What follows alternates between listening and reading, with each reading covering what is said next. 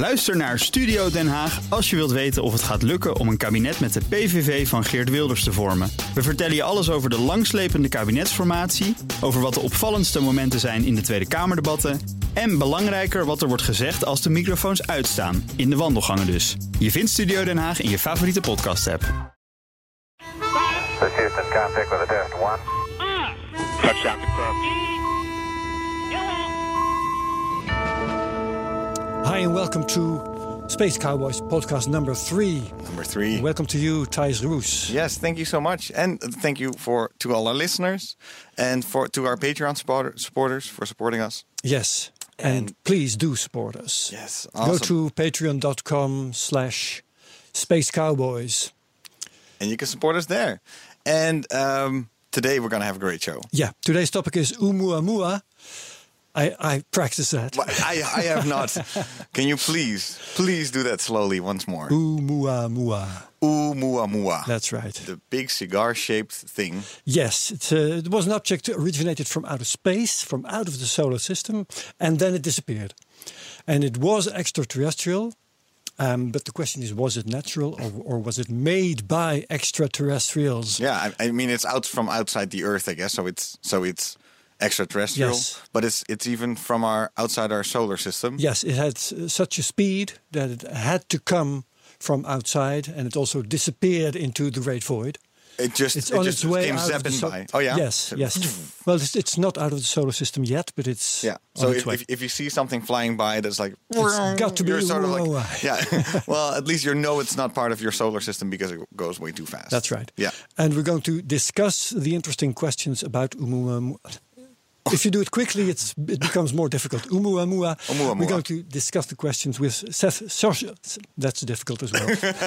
Seth Shostak from the SETI Institute in Mountain View. Hi, Seth. Hi, how are you? He comes to us via Skype. Yeah. Thank you so much for being on the show, Seth. It's really wonderful speaking Well- to you. Oh, it's a pleasure, Thijs. And the fun fact Seth used to work in Groningen for a couple of uh, years. It must have been, Seth, right?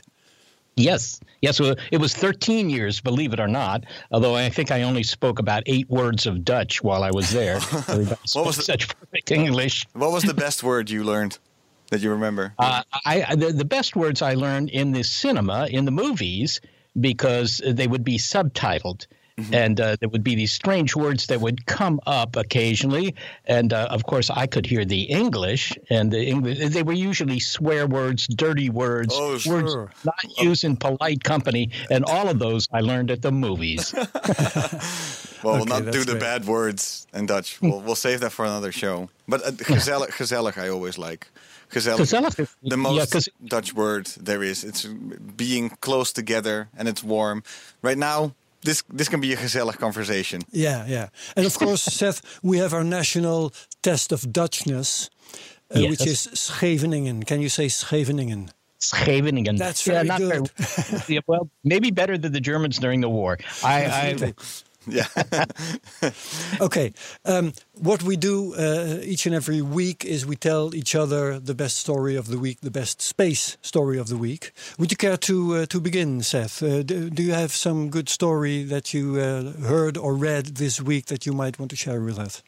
Well, I think it may be slightly more than seven days ago, but I'm not not entirely right. sure. We don't care. that's all right. Yeah, well, it's it's it's a week on uh, Mars or something. I don't know, but it's uh, actually it's not. Come to think of it, but the story was the discovery announcement by Canadian astronomers that they had discovered a new fast radio burst. And a fast radio burst is exactly what it sounds like. It's a, a very quick radio signal from the heavens, and they picked it up with their new telescope. It's called CHIME, Okay. uh, and it's located in British Columbia, which is Western Canada, uh, in the mountains and woods up there.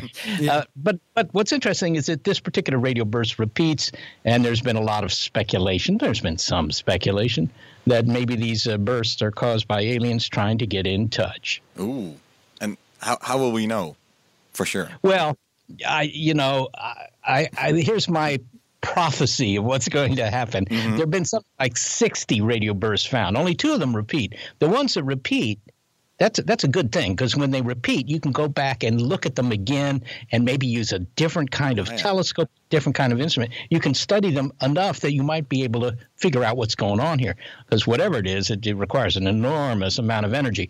So uh, nobody knows. It's a mystery of the cosmos.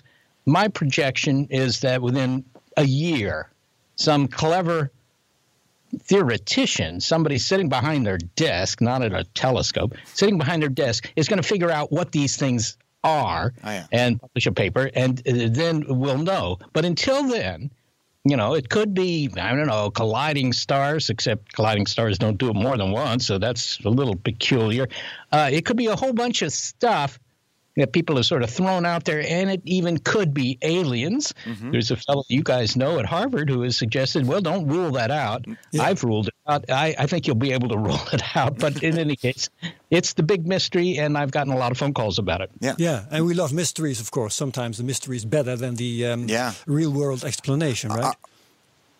Yeah. Yeah, no, that's absolutely the case. And, in, and if you think what the job description for astronomers is, well, it's to find new stuff, not to find old stuff. Astronomers don't go out and you know get behind the telescope and say, "Well, let's see if the moon's still there." I mean, you know, that's, that's not going to get them tenure anywhere. They're not going to get a permanent job that way. The idea is to find something new, and this has been a hot topic for a while. You Yeah. keep digging in the like the weirdest spots. Yeah. And just to be is, sure- Isn't there? uh, I, I have one question. Uh, isn't there some sort of list? I, I remember Carl Sagan once writing about it. Some sort of list of a couple of uh, anomalies, sort of of high energy beams, of or some some sort of signal, and they are are still unexplained. There's like this short list of things.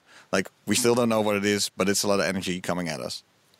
Well, I don't remember that from Sagan, but Okay. uh, I, it's quite possible. I mean, in in a field such as the one I'm in, where you're trying to find signals that'll tell you that you know the aliens are out there. Uh, in the old days, in old days means you know, like 30 years ago, whatever. Uh, in the old days, you would find a signal that you know looked pretty promising. It had the characteristics you'd expect for something coming from way beyond the Earth, and uh, you know, but you wouldn't find it again. Yeah. And uh, th- that's always a problem in science. If you, if you measure something and you don't find it a second time, you can't really do much. I mean, if Newton had only had an apple fall on his head once, we probably wouldn't have all that physics. Yeah, Let's no, stop. exactly. A sample of one is terrible. But to be sure, Yeah. Seth, um, and although you're from the SETI Institute, Search for Extraterrestrial Intelligence, um, you do expect um, for these these uh, radio bursts a perfectly natural explanation. Okay. I do. Yeah, I do. yeah. But, you know, I think history's on my side there. Yeah. Uh, if you think back uh, to the discovery of the uh, pulsars, that's the perhaps the most famous example. Uh, that was found by people in the UK, in, in England, Cambridge. And they found this this radio source that would very regularly shoot radio beams at you, you know, psh, Yeah. right? It was very, very precise. It was better than any clock they had, right? And they, so for a while they called them LGMs, Little Oh. Green Men. Little green uh, man. Yeah. they did that for a couple of months until they found a second one and then a third one. Then they decided, well, this is probably something natural, and it, it turned. natural. It's so Well- funny. So pulsars used to be called little green men. Sure. But, It- but they were for a while, yeah. Yeah, Not awesome. But of course, if, if a signal is too regular, it uh, it's probably not a signal from an intelligence because if, if they have to uh, to tell us something, they won't use a signal that just repeats. Well, that's true. There's not much information in a signal right, like yeah. that. So, you know, you can't send your favorite poetry or anything, but you could concoct a, a scenario. I mean, maybe it's it's a it's a clock. There's a radio station here in the United States run by the uh, U.S. Navy, and uh, it's just a clock. All you hear is. You know, and it was for navigation purposes, still is. Okay. And it's very, very precise. I mean, it's extremely precise. And, uh, you know, there are reasons why you want to have very precise clocks. Uh, think of GPS satellites, they have to have very, very precise clocks. So, uh, Yep. you know, it, it could be that the aliens just have, have this set up as the galaxy time service or something like Yeah. that. But it, but it turned out it wasn't that. It was a natural phenomenon. Okay. Well, we're we're still at our stories of the week. Yes. Let's Um, continue. What's yeah. your story, Thijs? Well, I, I came across something real, real fun. Um, it's uh, there's there's some art on the moon uh, right now. Well, to even go back further, is there a lot of art in space? Not not that much. There's been a lot of exploration. Um, uh, uh, but some people want to really change it. But like art made by artists. yeah, art made by artists. I Uh-huh. think uh, there are some artists going up up to the around the moon with uh, with uh, SpaceX. Um, but this is a different project. It's an art gallery on the moon. There's this group of people who want to create an art gallery on the moon because they're saying, "Hey, there's a statue on the on the moon, but no art gallery yet."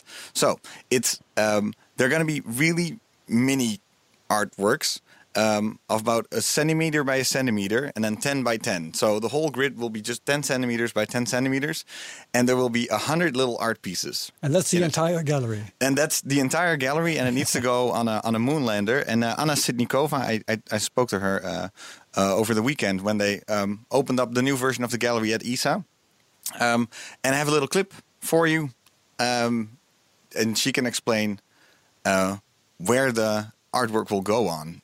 It's going to be on some sort of lunar explorer Okay, on let the me ESA go project. to the. Uh, let me see the Moon Gallery. So we plan to launch Moon Gallery in four years with, uh, with the European Space Agency lander, perhaps. Uh, and uh, we're working in close collaboration with Bernard Foing, uh, who was the father of SMART-1, the first European mission to the moon. So we really hope that he helps us bring uh, Moon Gallery to space. And we actively participate in um, conferences uh, where we meet the different space agencies and uh, discuss Moon Gallery. And uh, I I really can feel good response and uh, interest in the project. And I'm sure we will find a way to, to bring it uh, up. Yeah, so they're still working on, on getting Okay. it up Yeah. through, through ESA. They're having an open call, so anybody can send in their artwork um, through uh, moongallery.space. And what was funny is that they, um, uh, I asked because last week we had that conversation about the planetary protection officer Yeah. at, at, at, at ESA. Um, that every, I, I was sort of like, well, if you ask a hundred people to give artwork, like, will none of them be sort of like dangerous or, or something like that? Um, and she said, well, we thought about it, but uh, she yeah, said we following. we really w- are trying to develop it uh, being sealed from outside world. On the other hand, we want to give artists freedom to think uh, outside the gallery and maybe something can deploy, uh, a smaller project could deploy and uh, extend beyond this format. So we don't want to limit the artistic thought anyhow, and then later on we will find a way to, to make it. Okay, I'm looking forward to having this reason to go to the moon. the reason to go to the moon? Well, uh, it's going to be part of, um, and she explained it. Uh, there's a, a Swiss moon mission uh, that's being built, and that they're they're Okay. they're working on. So to get the 2022, something like that. That's what it's planned for. Okay. Yeah. Well, I'll tell you my story. It's and it's about oh, moongallery.space. If if it's people are artists are excited to have their artwork on the moon, uh, moongallery.space. moongallery.space, the Yeah. dot space top level domain. That's Yeah. beautiful. Yeah. okay. Your story of the week. Yeah, my story is about the uh, Chinese moon lander that's on the far side of the moon right now. Aha. It had an experiment on board with um, uh, plant seeds and a couple more things. There were there was yeast even and fruit flies. Yeast And- and fruit, fruit flies. Yes, it was supposed to be an entire ecosystem, and um, it was mostly a failure. But the cotton seeds germinated, so they have the honor, the Chinese, of uh, having put the first plant on the moon, Yay. and that's very. What do you think of that, Seth? Well, uh, yeah, I, you know, It's an That- that extraterrestrial life, right? yeah. Why wasn't it the Brussels sprouts or something? I mean, Yeah, or Cotton. yeah, why cotton? Yeah. Well, maybe cotton grows really well on the moon. Who knows? Yeah, We'll get our cotton from go the pick moon. that cotton. okay, uh, but um, it's it's great. I mean, I saw the picture. I, I Yeah. mean, it, it's it's pretty bizarre It was a lovely, tender little plant. yeah, but just that that image of just seeing a plant on just a different world is just a bizarre image. it's crazy. Yeah. But it died. It died. Did oh, I thought. yeah, it, yeah, yeah. I mean, last last thing I heard was it lived. and no, it also died. okay, so it germinated and then it died. and it was supposed to because the Oh. moon night came by, uh-huh. and it's, uh, it lasts for f- 14 days. And the temperatures go down to minus 170 uh, degrees centigrade, Oh, and no plant is going to survive it. But I No. believe it died even before that. I hope it did. Otherwise, it was in pain. Yeah. okay, so that's my story. Yeah, awesome. awesome. Um, and Um, let's go.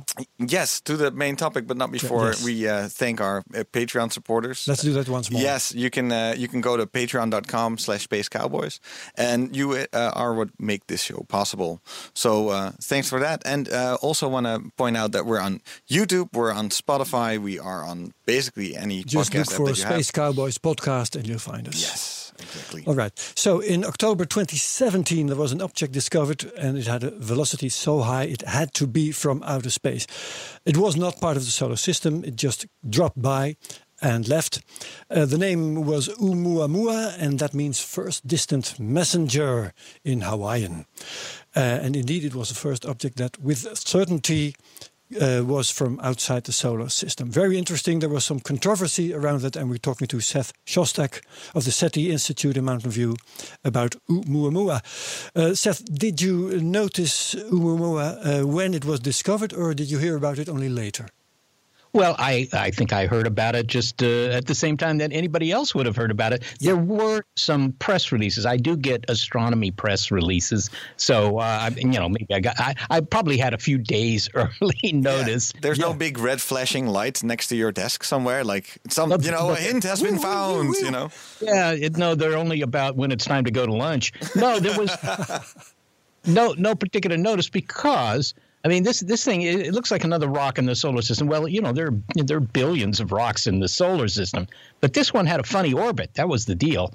Uh, it, it wasn't particularly going that you know it wasn't going really much faster than any other asteroid, but it it had an orbit. You, calculating the orbit of these things is. Uh, that's that's pretty old astronomy uh, technology. we know how to do that, Yeah. and uh, it turned out that it, it was it had an orbit that you know extended way beyond the solar system. It it, it wasn't from this uh, set of worlds. It's not one of the suns.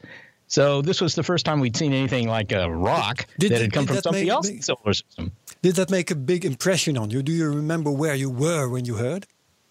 I don't. It didn't make that big an impression. No, but. I have to say, I have to say, the, the, the bigger impression was not that there was a rock from another solar system, although in retrospect, I have to say that I, I should have been more impressed. But the thing that struck me was it was discovered by this uh, telescope in Hawaii, and that's why it has a Hawaiian name, I assume, uh, that had only been in operation for about a year when it discovered this thing. So what that tells you is that you know whatever this thing is, there are probably a lot of them because if you turn on the telescope and within a year you already find one of these things, there must be you know they must be entering our solar system all the time. and We just never knew. Yeah. And was this um, uh, telescope made? Was that like a whole project to find objects like this, or was it just zapping by without us? Did No, it was. It, yeah, no, it's a telescope that uh, was sort of optimized, sort of designed, if you will, to find things like this, if not, you know, just extra solar system objects. Uh, fundamentally, you see, the way telescopes have always worked in the past, the way astronomy has always worked in the past, you know, you, you decide, okay, I'm going to study this galaxy, and you get a, you know, a night of telescope time or whatever, and, and you go up to the mountain, you make some photos of it, and it takes a couple of hours and whatever, and you, you know, you, you process the photos, you put them in your desk drawer, and a couple of weeks later, you look at them and whatever. Yeah. But that means that's fine. But what astronomers never were able to do was to get pictures, you know, every couple of days of things, right? that was something that wasn't possible. But you know, when when photography went to the if you will, the the, the digit, the electronic realm, when it no longer was, you know, a chemical process, and suddenly was much, much more sensitive, and you could process it without doing much of anything. You know, you just connect it to your computer and you can see it. Uh, that was it was possible to change all that. So this telescope would take pictures of the sky and then would come back and make another picture of that same part of the sky maybe a few days later. So then you can do something that's you know very simple. You just uh, set up a the two pictures sort of side by side with a little optical device that you you know uh, push a button and it shows you the first picture, and then you push the button again, it shows you the second picture, and just back and forth, back and forth. And they should be identical. Things in the sky don't change very much, unless there's an asteroid in the picture, and that will seem to move among the stars there.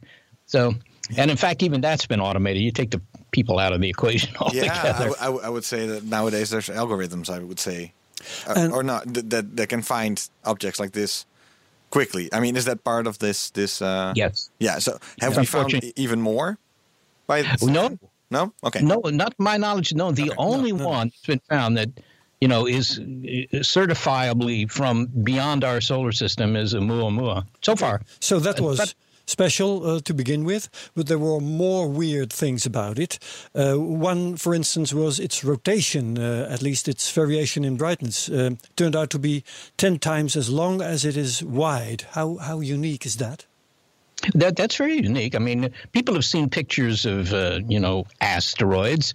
Uh, we've had, I mean, the Europeans remember they they visited one. Okay, so you know uh, they're they're they're shaped like You're talking sort of- about uh, the Ultima Thule right now. The um, No, that's that's not so much an asteroid. That's just a Oh, no. sort of oh a sorry. Yeah, I'm confused. rock- Yes.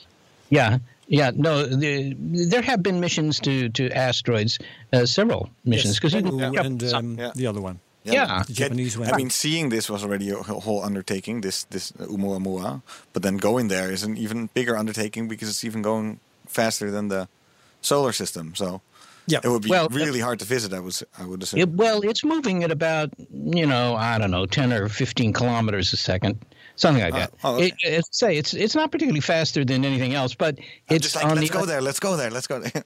I yeah, can't, I can't is wait to go there. rockets. That's the problem. it's too late now, I guess. yeah, it would be, take a very special rocket to catch up with it. But this very odd shape that you talk about, that was deduced, that was implied by the changes in brightness of the thing. I mean, the thing is so small. You know, it's it's it's you know, I don't know, maybe a hundred, couple of hundred meters long. That's pretty small when you're looking at it from uh, you know millions and millions of kilometers away.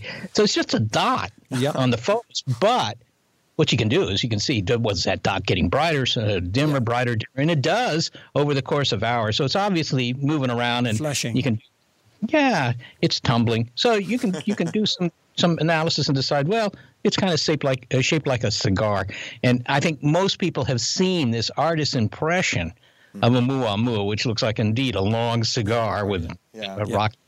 But that that's you know that's in the mind of an artist. Maybe we should put it on the moon. But that you know that doesn't mean that's what it looks like. All right. So, what, what did you think was so fascinating about it, Herbert? Me? What- yes. Well, um, I only uh, woke up, so to speak, when um, uh, Avi Loeb uh, showed up in the media. Mm-hmm.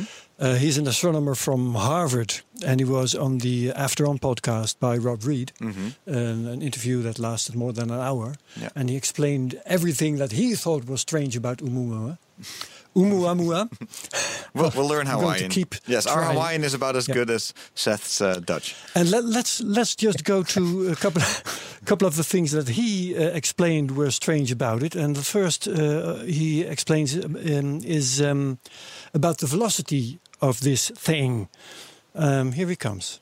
Yes, the speed is an interesting story by itself because this happens to be the so called local standard of rest you get when you average over all the stars in the vicinity. So, stars have relative motion to each other, and so you can take the average of that motion and find the local standard of rest.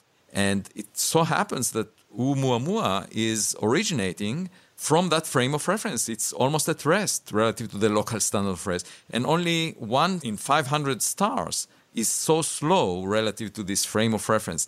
Now, if you wanted to camouflage your origins and hide where you came from, you would be in that frame because that frame does not belong to any star. Only one in 500 stars is in that frame, and Oumuamua is in that frame.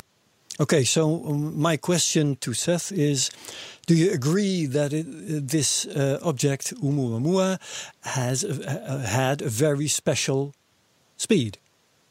Yeah, well, in in in that regard, what uh, Avi Loeb is describing there is that relative to all the stars that are within, you know, I don't know, maybe a thousand light years or something like that, Yeah. five hundred light years, whatever. The local standard of rest. The the it, it's like you know the way you can think about it is. Um, you're, you're going down the highway, right? And a whole bunch of cars going down the highway, and they're all going on who knows what, 100 kilometers an hour, whatever.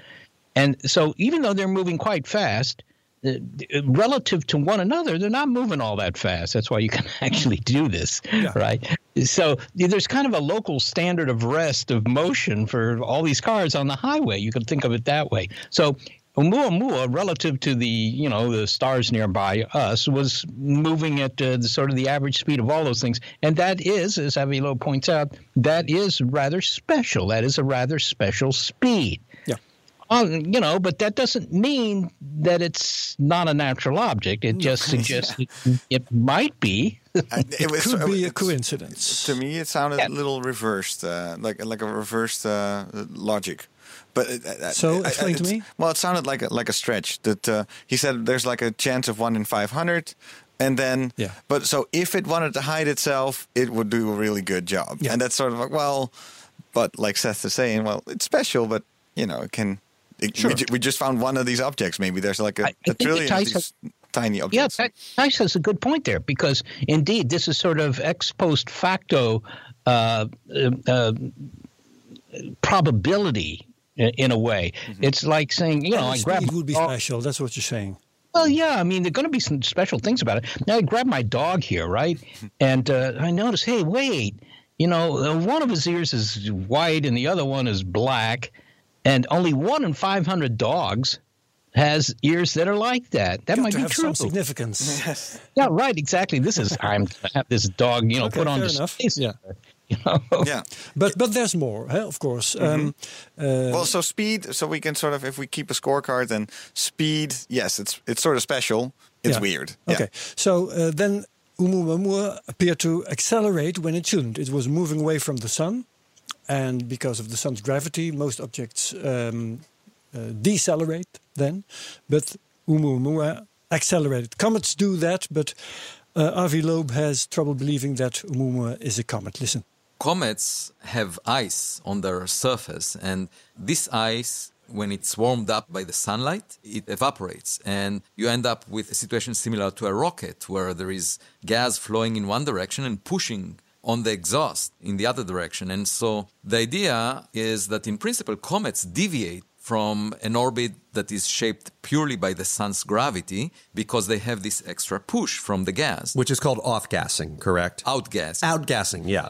Now, the only problem with this idea is that we haven't seen any cometary tail. There was no evidence for either gas molecules in the vicinity of Oumuamua or dust, which is often accompanying the evaporation process.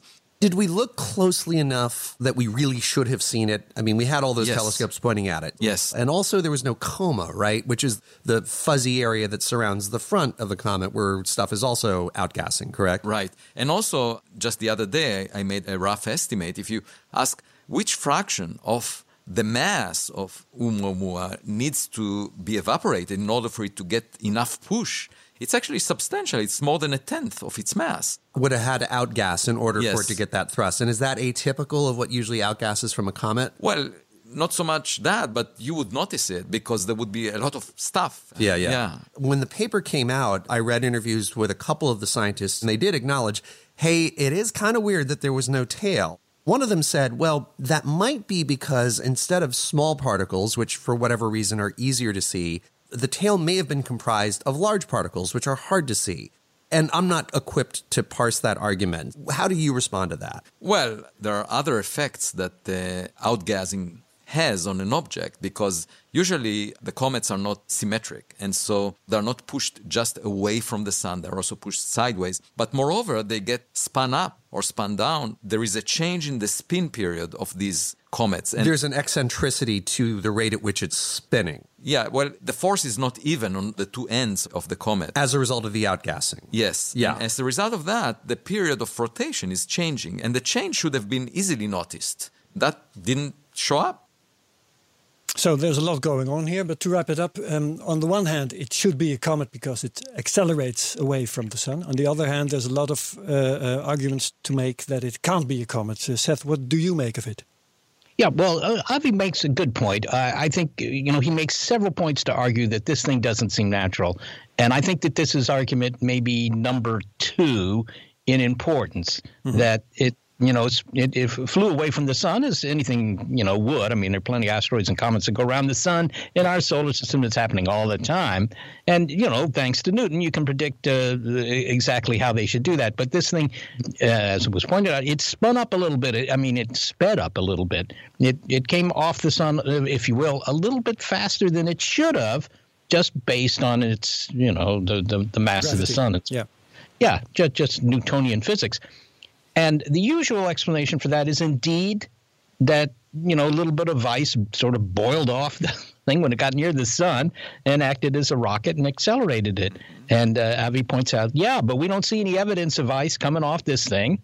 And uh, so, yes, that's true. But again, the measurements were made of this thing uh, after it had gone around the sun. I mean, this thing was discovered when it was already on its way out the door. Yeah, right. That's true. Yeah. So it wasn't very close to the sun anyhow.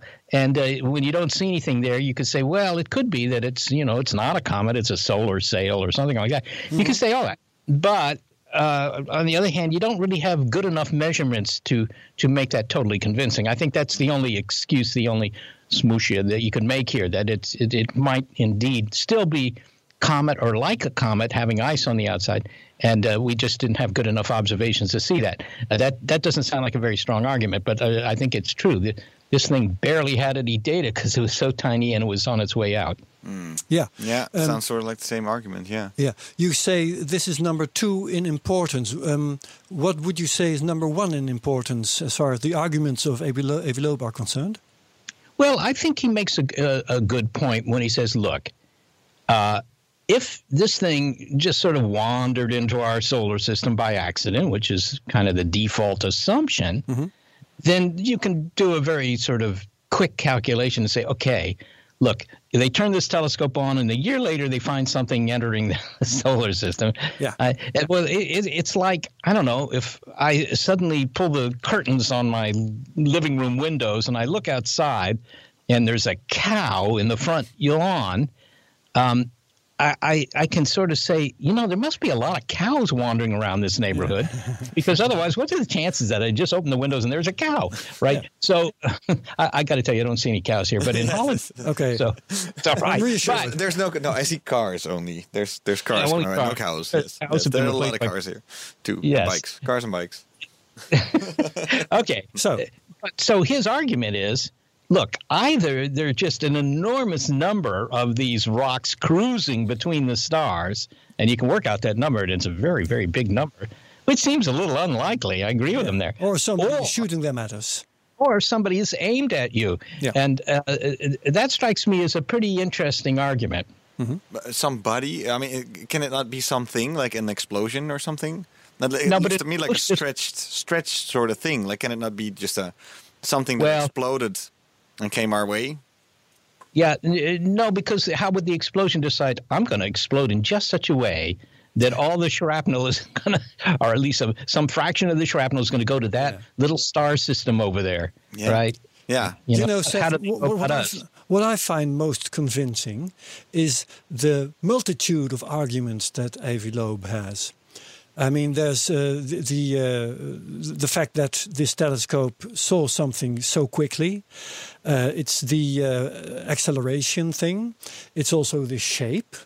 It's also the fact, which I haven't even mentioned yet, that um, it uh, does not absorb solar light very well. Uh, there have been measurements to find out if it warms up at all by solar radiation, and it turns out that it doesn't do that very well.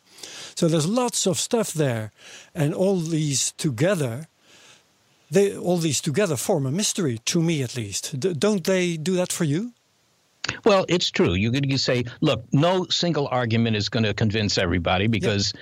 You know, right? We don't have what they call the smoking gun here, hmm. but I, we've got all these other arguments, and and you know, uh, that should convince you. Well, that's exactly the logic that was used back in 1996. That's a long time ago now, but mm-hmm. uh, the big science news story of 1996 was a meteorite that was picked up from Antarctica called ALH 84001. Wow. And there were scientists at NASA and a guy at Stanford here up the street who uh, argued that if you open this thing up and looked inside with a microscope, you would see these little squiggly things that were you know, fossilized Martian microbes. And to support that conclusion, I mean, these, these are serious scientists. And in fact, most of them still are, right? I mean, one of them died. That's the only reason I, I make that. They haven't been thrown out.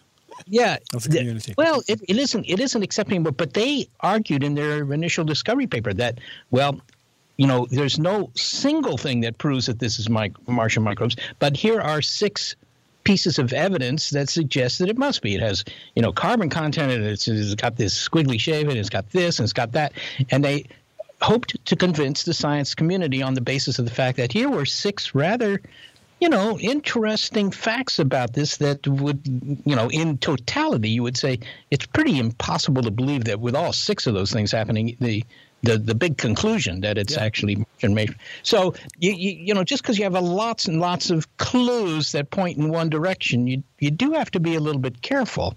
Well, back then, uh, Bill Clinton commented on it. I believe even said like we pretend, yeah, we potentially we now in the Rose Garden. I believe he said something like we potentially had this uh, have found Martian Martian life now it was like a hype, and uh, you know it's uh, still always cool to quote him on it. You know, and you know if you Well, well, d- d- listen, we've been the- disappointed before, and like the, the Yeah, space yeah, exploration is a dis- is a string of disappointments too. That's Yeah, Yeah. it isn't to say that Avi Loeb is wrong, but only to say that it's this is not an airtight argument. And Avi is a very, very creative guy. He's the head of the uh, astronomy department at Harvard, and he has a, a very fertile uh, brain. I mean, he comes up with lots Yeah. of ideas. In fact, we talked at the head at the top of the show here about uh, this fast radio burst that was just discovered Yeah. here, or just announced, in any case, by the Canadians. And Avi sort of said, you know, don't rule out the possibility that these fast radio bursts are due to aliens.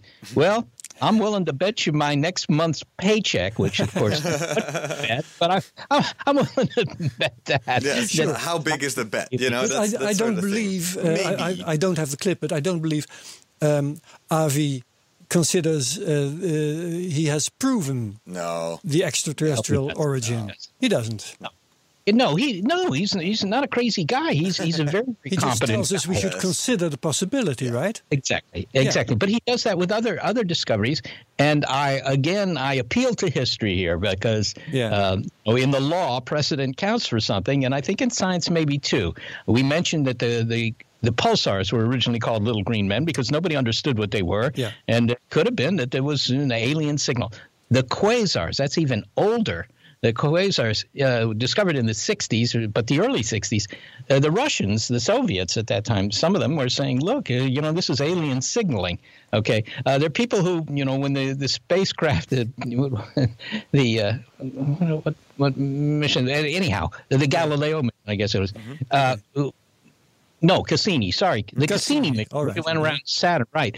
You know, you look at the top of Saturn and you see this big pentagon Yeah, there. yeah, right? yeah, exactly. Yeah, Right. beautiful. It was And a it was- hexagon, I guess. The hexagon. Yeah, yeah, yeah. Well, hexagon and pentagon just seemed to depend on the day of the week, but Pentagon is in Washington. Cosmic uh, background radiation is another example. Also unexplainable. Yeah, Maybe yeah, it's yeah. aliens. You know. But on the other hand, Seth, you're I from thought it was birds for a while. the- sorry, Yeah. sorry, Seth. They they thought it was. Well, it, it was thought to be birds when it was first uh, Yeah, discovered. You know, first birds. but but you know, birds are kind of alien. But you know, you, no, no, the, the whole point is Yeah. you discover something you don't understand at the beginning. That's always what happens. Of Mm-hmm. course, it's what happens. Yes. And there's there, there are always going to be people who say uh, it could be aliens, and it could be Tabby Star. Remember Tabby Star? That's two years ago. But you know, uh, one of the astronomers at Penn State University came out and he said, you know, it could be an alien uh, megastructure. It could be a Dyson sphere. It could be Oh, yeah. something built by aliens, which it could be. could be. Yeah. Okay. It, it, it's, it's a it's a it's a workable theory. That's at least Your, your the thing. logic is Yeah. totally sound, and Yeah. I uh, believe you. You convince me, etc. But on the other hand, you're from the freaking SETI Institute. I would expect you to be a bit more enthusiastic if an object comes by that had all has all these characteristics. Oh, I'm getting confused here. Characteristics that Oumuamua has. Yeah, well, uh, look, uh, you know, Herbert, I get that every day. People call. And, and they have something to tell me. They they usually you know uh, precede their conversation with say, "I have something very important for you," Oh, and, and I can tell you what that means. what that means. That's a Monday morning for you. Yes. They they, they say uh, we you know the guy saw a UFO and you know he sometimes they send me photos and videos those are interesting but uh, they, you- they- you- so you think and then they they complain to me when I say well I looked at your photos and honestly I think that's internal reflection in your zoom lens or whatever it is and, and they say I would think that somebody who's looking for ET would have more enthusiasm about my discovery Oh, okay you hear that, So- Herbert? You I hear do, that? I do. Yes. I'm just another all right, so, so so that's my that's my response. Look, uh, you- we haven't talked about this here, but uh, we used our Allen telescope array. It's an array of antennas uh, up in the Cascade Mountains of California, so about 500 kilometers north of San Francisco, and uh, it, at, and pointed it at Oumuamua and Yes. tried to see if there were you know any radio signals coming from. Because if you found radio signals coming from it, you could say this is not a comet. This is not a comet. it's transmitting stuff.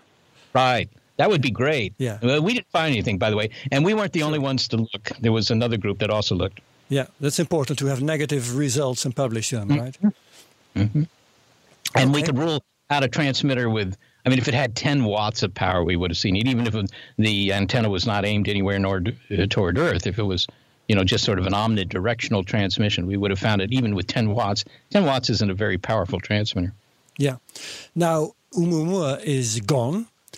Um, I think it's past the orbit of Mars or something. I don't know exactly where it Yeah. is, and it's uh, Yeah. going It's really fast. We're not about to overtake it with any kind of uh, human-made rocket. Not even if uh, if Elon Musk uh, uh, Well, works on do it. You, I, you don't underestimate Elon Musk. I mean, How dare you? yes. You know, if you made a rocket twice as fast as the ones we have, you could catch up with it. But We're not going to, right? It's the, we had We're a not chance. Maybe we had a slight chance, but it's gone. Unless you're willing to write the check, Herbert.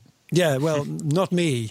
I Okay. have to talk to Bill Gates about this. But would you have loved to visit Oumuamua?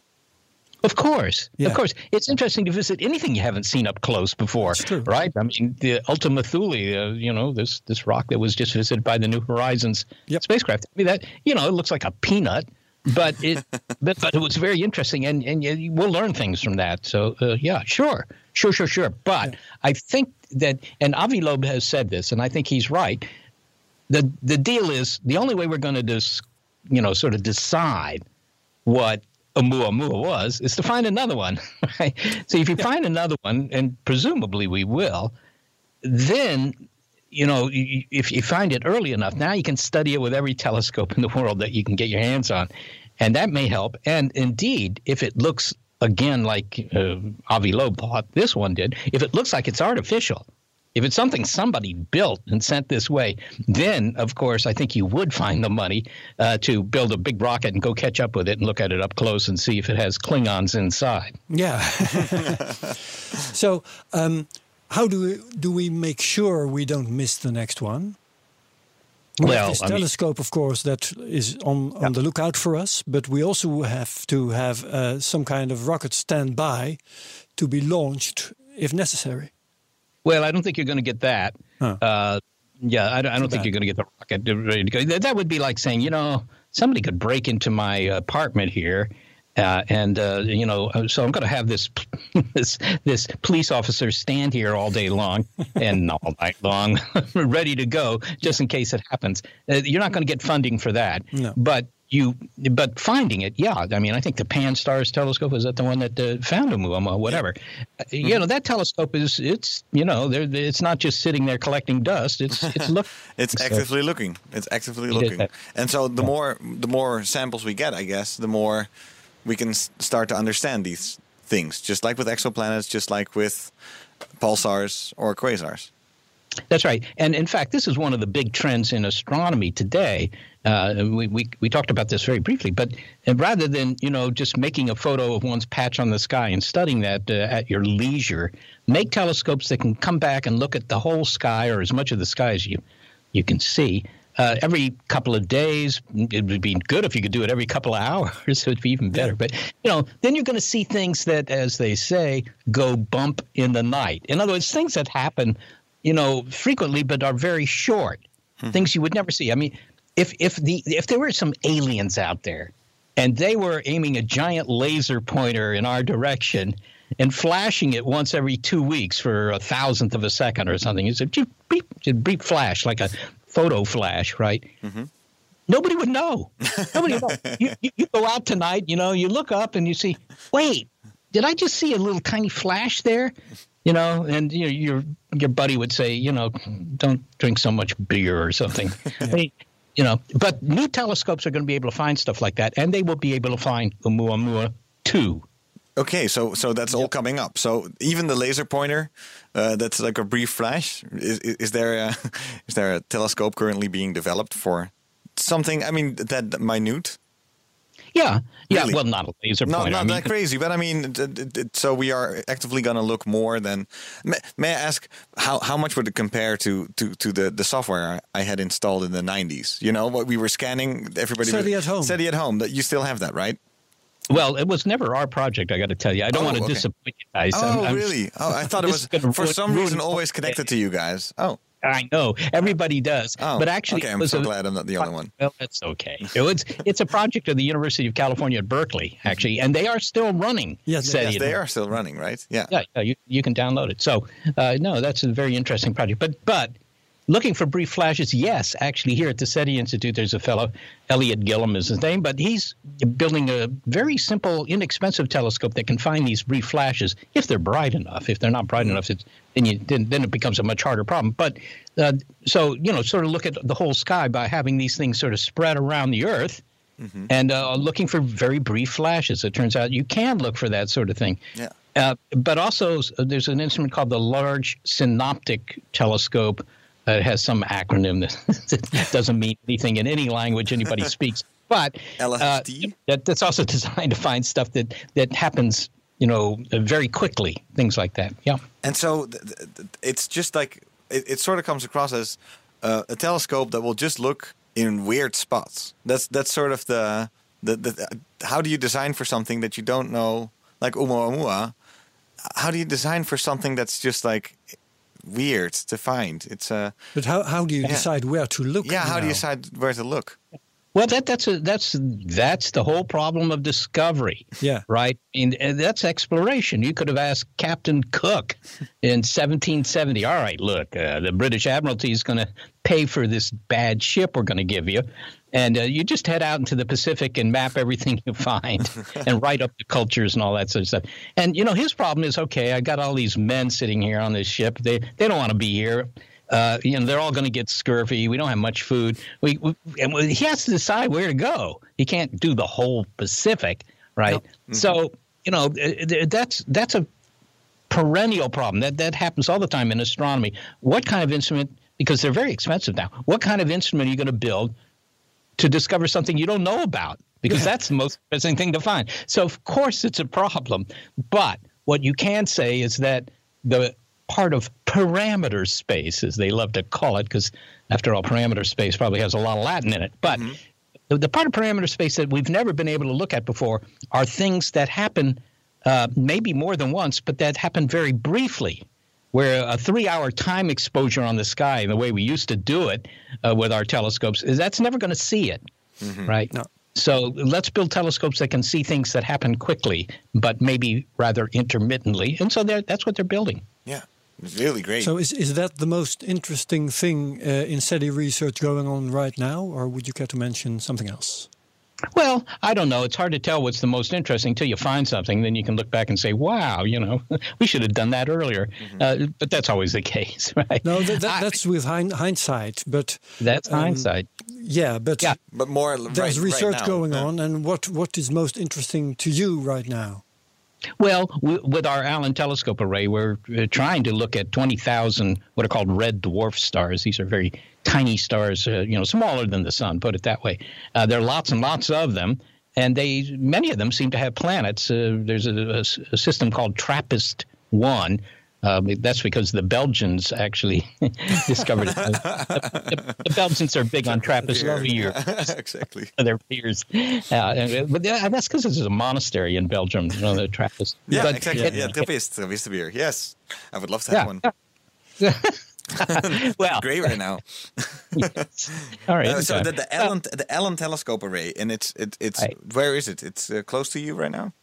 Well, as I say, it's 300 miles north of San Francisco. So, Mm-hmm. uh, you know, uh, many people may not know the uh, geography of California, but California is actually a very big state. Mm-hmm. Oh, yeah. and it has a, a lot of mountains because it's on the west coast, and you know, so the uh, the movement of the continents is sliding California toward. Uh, Toward Japan at about the speed at which your thumbnail grows, so it, Oh, it makes all these mountains. So the, these uh, these antennas are up in a mountain valley. Uh, they're, they're up there not because of the scenery, which by the way is kind of pretty and all, but uh, it's because the mountains kind of shield the antennas there from all the radio noise that comes from here in the San Francisco Bay Area.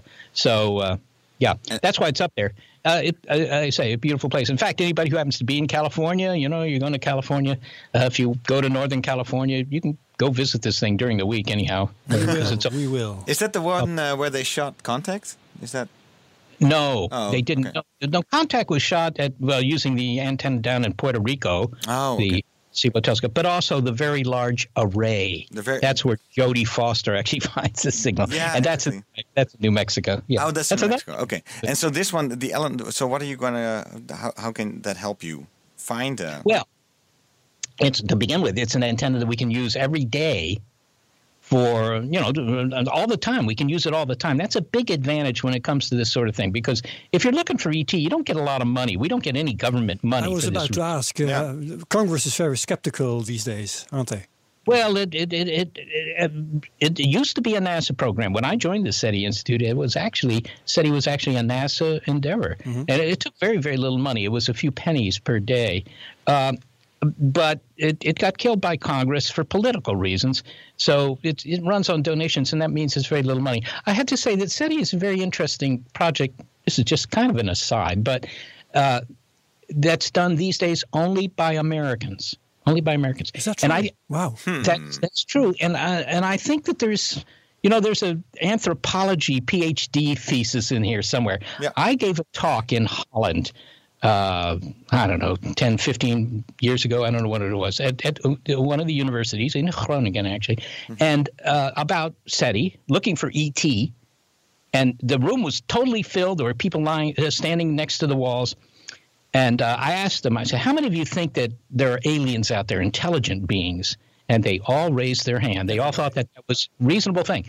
But then I asked, how many of you are willing to spend one guilder a year, which was about 50 American cents, the price of a bad cup of coffee? Yeah. How much? How many of you are willing to spend one guilder a year to look, not a guilder a day, a guilder a year? And all the hands went down. what? So Crazy. Nobody should be looking for. it. That's crazy. You can have my guild. You that's can Yes, have a euro, yes. as far as I'm concerned. you should do crowdfunding, by the way. Try that. But it's it's it's that's that's what's so funny about it. So at, at, at, in in one point we're basically not really listening, and we're making these telescopes to listen. And on the other hand, um, people find it such a crazy idea that that that it's out there that they don't hardly even want to consider the possibility. So. I'm glad that some some things are happening, but if I understand you correctly, we're not really looking hard enough. Maybe Yeah, because we don't know wanna, don't really want to know the answer. I don't know. What I, I don't know what it is. I, I don't know because, uh, you know, the Europeans certainly, uh, just to take the Europeans as an example, they certainly have the equipment to do this kind of work. They have the expertise for sure, Yeah. and they have the money. To be honest, they could do it. And I asked actually one of the uh, Dutch professors after my talk, I said, why is it that they're not willing to spend one guilder a year? That- They would think nothing of going downstairs, getting a cup of coffee now, but they wouldn't do that once a year just so we could find out if there are any aliens out there. And, you know, he came back, he, he gave me an answer in Dutch. He said, Daar zijn we te nuchter voor. Daar zijn we te Which is- nuchter. Yes. Yeah, we're, we're too sober for doing that kind way of stuff. Way too sober. And the, the Americans dare to dream. You know, I, I, I, I did. I went to school for American history and American culture. So it's. It, I, it, you, you're absolutely right. Maybe I should write my PhD thesis about why the Americans have this manifest destiny to keep on looking. Sort of. Well, the Americans want to potentially colonize, and I and I think maybe even conquer them as well. These aliens. Well, you could you, you, say you, you, that never, it's Yeah. American imperialism. Or you never know. You never know if that's part of the equation. But at, Yeah, looking I- I hurts. Yes. No. No. I don't think that's it, but I think that that, that in a sense you're right there because uh, America's tradition. This is unlike many other places in the world. Is is a frontier mentality. The heroes in America are, you know, the cowboys. You've, you've heard of the word cowboy, probably. Mm-hmm. Uh, you know, cowboys. they guys walk across the mountains and you know go find new new things and so forth. Our podcast And is so- Exactly. So we're just the crying we're just the cowboys. That's so Yeah. we. Uh, there's nothing wrong with wandering off and checking out what's there, and then Yep. you know. Uh, Hey, but Seth, Yeah. um, I, I said as a joke um, just a couple of minutes ago, you ought to try crowdfunding. But of course, you do. You told us you are running on donations. Now, Yes. we do crowdfunding, but if any listeners care to um, uh, donate money t- to us and to you as well, uh, what should they do? How can they lose their money with you? Yeah, lose their money. until there's Listen, an it's like asking the fun Christopher Columbus, right? I mean, that's what it's, it's kind of the same thing. Well, it's it's simple actually. You just go to SETI.org, org Yeah. organization, SETI.org, and that's our website. And uh, if you if you're interested in you know helping uh, fund this there. project, yep, you'll find it. Yeah, Okay. and and it's I mean it's what you do is is amazing because I'm I'm I'm just so glad that that people are looking. Um, it anybody uh, who is out there and looking in their own way, I, I, I think should contact us or should start something in the rest of the world. I mean, this should be a global Absolutely. endeavor, right? Yes, Yeah. that's right. And in Europe, I, I, I, I should make an exception. There's one country in Europe that has done some SETI, and that's uh, the Italians. But I think that the Italians have the same mindset as the Americans. Yeah. I don't. Yeah, Well, Christopher Columbus was, was an Italian, wasn't he? Supposedly, yes. Yeah. Yes. Yeah. Well, you just need a wandering spirit and just think that, you know, right now it, it seems like a fantasy. And what we spoke about last week is ET might be out there. It's just if it's intelligent or not. That's that's the question right. we're looking for. Well, Yeah. yeah. the the advantage in the intelligent ones is that they might, you know, get in touch some way. You know, you might be able to find them. Uh, the, uh, the other thing you can find, of course, are microbes. You could uh, use big telescopes and examine the atmospheres of planets that are very, very far away. Uh, that's becoming more and more feasible. And of course, if you found oxygen in the atmosphere, oxygen, lots of oxygen, you might say, well, you know, they've invented photosynthesis, so maybe there's cabbage in space. Who knows? No, But I- as far yeah. as, as intelligent life is concerned, Seth, um, how do you feel about the argument that we, we we should be careful because they might be more intelligent than us and dominate us? Well, there is that argument. This is, Yeah. That argument became famous. Uh, The argument actually is not to worry that they might be more intelligent than us. I mean, I, you can worry about that when you go to college. The, the, you know, the student next to you might be in, more intelligent than you are. But the no, the argument is that you should maybe not broadcast. Yeah. Right. Don't send messages. Hey, we're the Earthlings. We'd love to get in touch with you guys. Because if you do that, uh, you know, you don't know what's out there, and maybe they're aggressive and they launch a bunch of you know, missiles your way and incinerate your planet. Yeah, which would, yeah. you know, ruin your whole day. So it's, that that that could be, but I think that that whole argument, I think it's nutty myself because we've been broadcasting anyhow since the Second World War. That's right. Mostly, That's right. mostly- So they already know about us. I mean, if you're going to worry about this, it's too late to worry about it. I think that this whole argument became considered a serious argument because Stephen Hawking at Cambridge actually uh, made some comment about it, but only one comment. And one should keep in mind that if Stephen Hawking were to say, you know, uh, this is the dry cleaner I like to use for my suits, uh, you know, in Cambridge, uh, that would have become famous too, because it was, after all, Stephen Hawking. Yeah. Anything he said. Yeah, I would. I mean, so it never hurts to listen. Is uh, one thing you say, but you know, on the other hand, who knows? You know, it, it, it it'll be a while before they're here. You know, they're, if if That's if we, if we just hear a signal, we have forty thousand years or something to prepare for the for the onslaught. so you know, Yeah. We're that to safe. Elon Musk. okay. You have plenty of time to buy some frozen pizza and hang out in the in the garage. Exactly, exactly. Thijs, you have any more questions for Seth? Of, uh, enough to, to talk for, For hours and hour, hours and hours. So Seth, hope to hope to talk to you in the future again. Would be wonderful. It's been a real pleasure, guys, and I always enjoy talking to people uh, in the lowlands. Oh, So- thank you so much. We had fun. same same for California. I love I love California. I, I, I was there a month ago, and I can't wait to go back.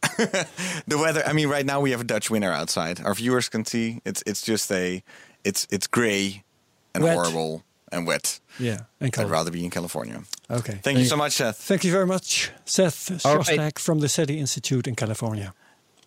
And thank you so much, Herbert, also for Thijs Roos. Yes. Thank you. And and to our listeners. This uh, has been Space Cowboys podcast. Talk to you Number next three. week when we have Anthony Brown and we're going to talk about uh, ESA, uh, ESA's Gaia project, which is great. It, they're mapping the whole uh, uh, Milky Way, and that's not only it's Should not fun. yeah it's just not a it's not not only about just looking. It's also processing all that data because we're they're trying to store as much information as they, they can get from the entire Milky Way. So stay tuned for that one. Okay. Bye bye. See ya.